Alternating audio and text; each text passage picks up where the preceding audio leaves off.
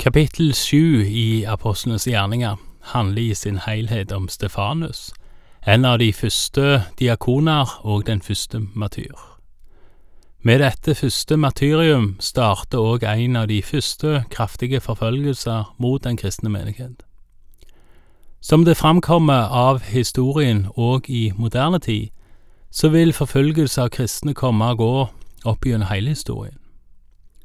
Kapittel åtte, som vi snart skal lese, starter med en avslutning av kapittel sju, med at Saulus var enig i drapet på Stefanus.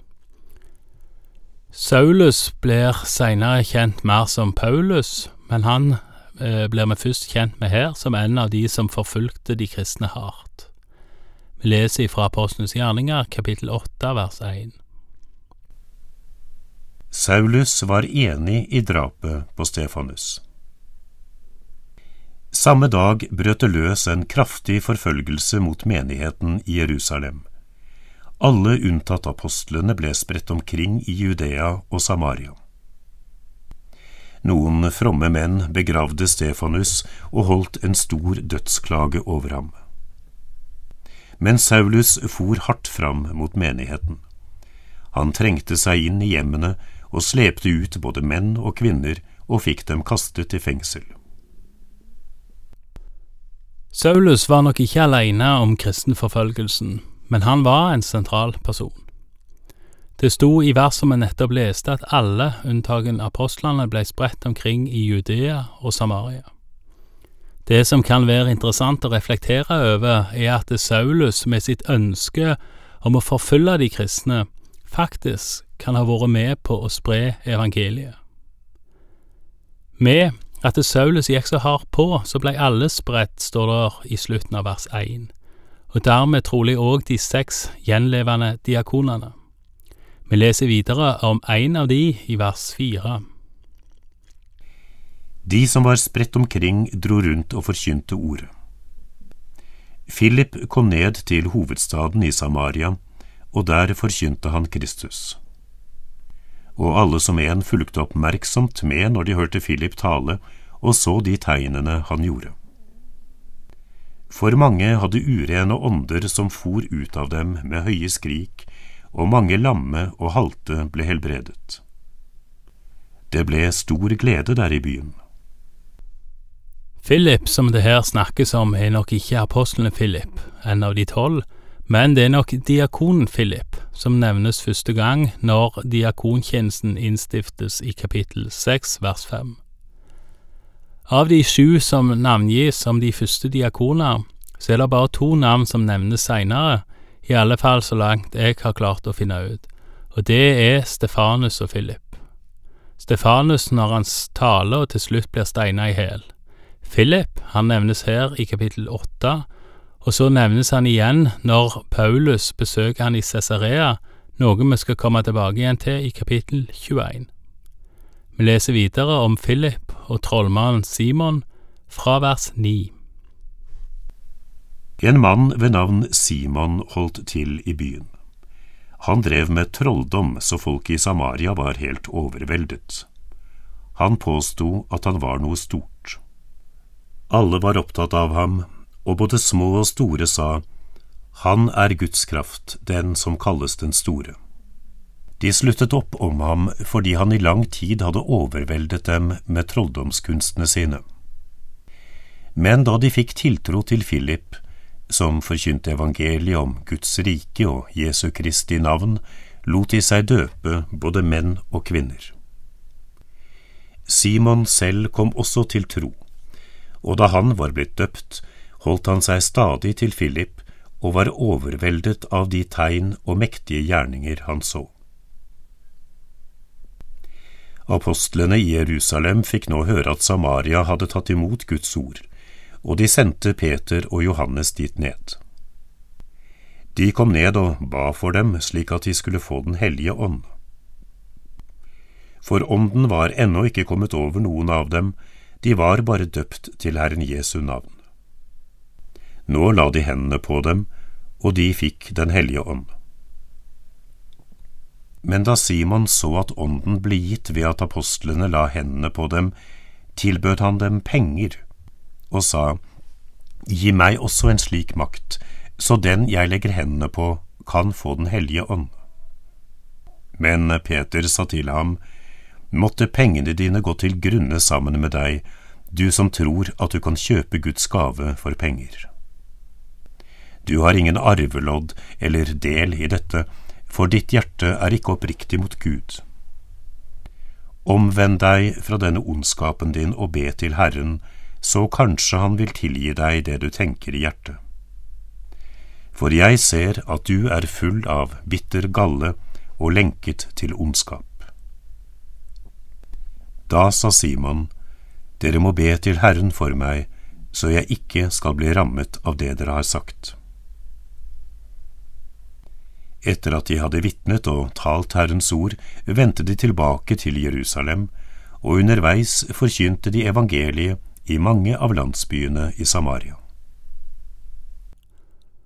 Trollmannen Simon lot seg først vende om og bli kristen.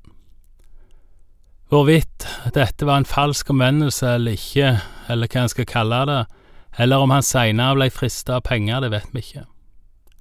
Jeg tror nok han kom til tro når han blei døpt, sånn som det står i vers 13. Så blei han frista igjen når han så Den hellige ånds kraft, og det var noe han faktisk ville kjøpe. Altså at han etter å ha vendt om, faktisk falt tilbake igjen i gamle synder, eller gamle tankemønstre, om en vil. Det kan jo være oppmuntrende for noen hver av oss å lese at òg de første kristne kunne oppleve det sånn. Men legg òg merke til Peters klare svar. Peter bagatelliserer ikke Simons ønske om å få kjøpe Den hellige ånd fordi han nettopp er nyomvendt eller noe sånt som sikkert kunne vært fristende nok for Peter. Han rettleder Simon tydelig, og Simon ber om forbønn.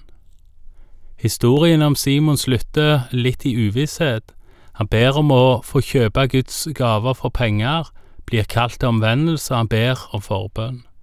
Så mye mer sies ikke om Simon i Bibelen, men videre kirkehistorie skal forbinde han med nettopp kjøp og salg av kirkelige embeter, noe som vel antyder at Simon kanskje ikke var helt kvitt sitt ønske om å kjøpe Guds gaver. Vi leser videre om Philip og den etiopiske hoffmannen, en historie som har en mer tydelig god slutt enn historien om Simon. Vi er nå kommet til vers 26. En engel fra Herren talte til Philip og sa, Gjør deg klar og dra sørover på veien fra Jerusalem til Gaza. Dette er en øde strekning. Philip gjorde seg i stand og dro av sted. Han fikk se en etiopisk hoffmann, en høy embetsmann som hadde tilsyn med skattkammeret hos Kandake, dronningen i Etiopia. Han hadde vært i Jerusalem for å tilbe. Nå var han på vei hjem og satt i vognen sin og leste fra profeten Jesaja. Da sa ånden til Philip, Gå bort til vognen og hold deg tett opptil den. Philip sprang bort, og da han hørte at han leste fra profeten Jesaja, spurte han, Forstår du det du leser? Hvordan skal jeg kunne forstå, sa han, når ingen forklarer det for meg. Så ba han Philip komme opp i vognen og sette seg ved siden av ham. Det stykket i Skriften han holdt på å lese, var dette. Lik en sau som føres bort for å slaktes, lik et lam som tier når det klippes, åpnet han ikke sin munn. Da han var fornedret, ble dommen over ham opphevet. Hvem kan fortelle om hans ett, for hans liv er tatt bort fra jorden? Hoffmannen sa da til Philip, Si meg, hvem er det profeten taler om her? Er det om seg selv eller om en annen? Da tok Philip til orde. Han begynte med dette skriftstedet og forkynte evangeliet om Jesus for ham. Mens de kjørte langs veien, kom de til et sted hvor det var vann, og hoffmannen sa, Se, her er vann, hva er til hinder for at jeg blir døpt? Philip svarte, Hvis du tror av hele ditt hjerte, kan det skje. Da sa han, Jeg tror at Jesus Kristus er Guds sønn. Så lot han vognen stanse, og de steg ned i vannet, både Philip og hoffmannen, og Philip døpte ham. Da de steg opp av vannet, rykket Herrens ånd Philip bort, og hoffmannen så ham ikke lenger. Han fortsatte lykkelig videre på sin vei. Men Philip viste seg senere i Ashtod, og han forkynte evangeliet i alle byene han reiste gjennom, helt fram til Cesarea. Philip fikk beskjed om å dra til et sted som var en øde strekning med et eneste siktemål – treffe den etiopiske hoffmannen. Tradisjonen, eller kirkehistorien, mener vel at det ble starten på ei av verdens eldste kirker.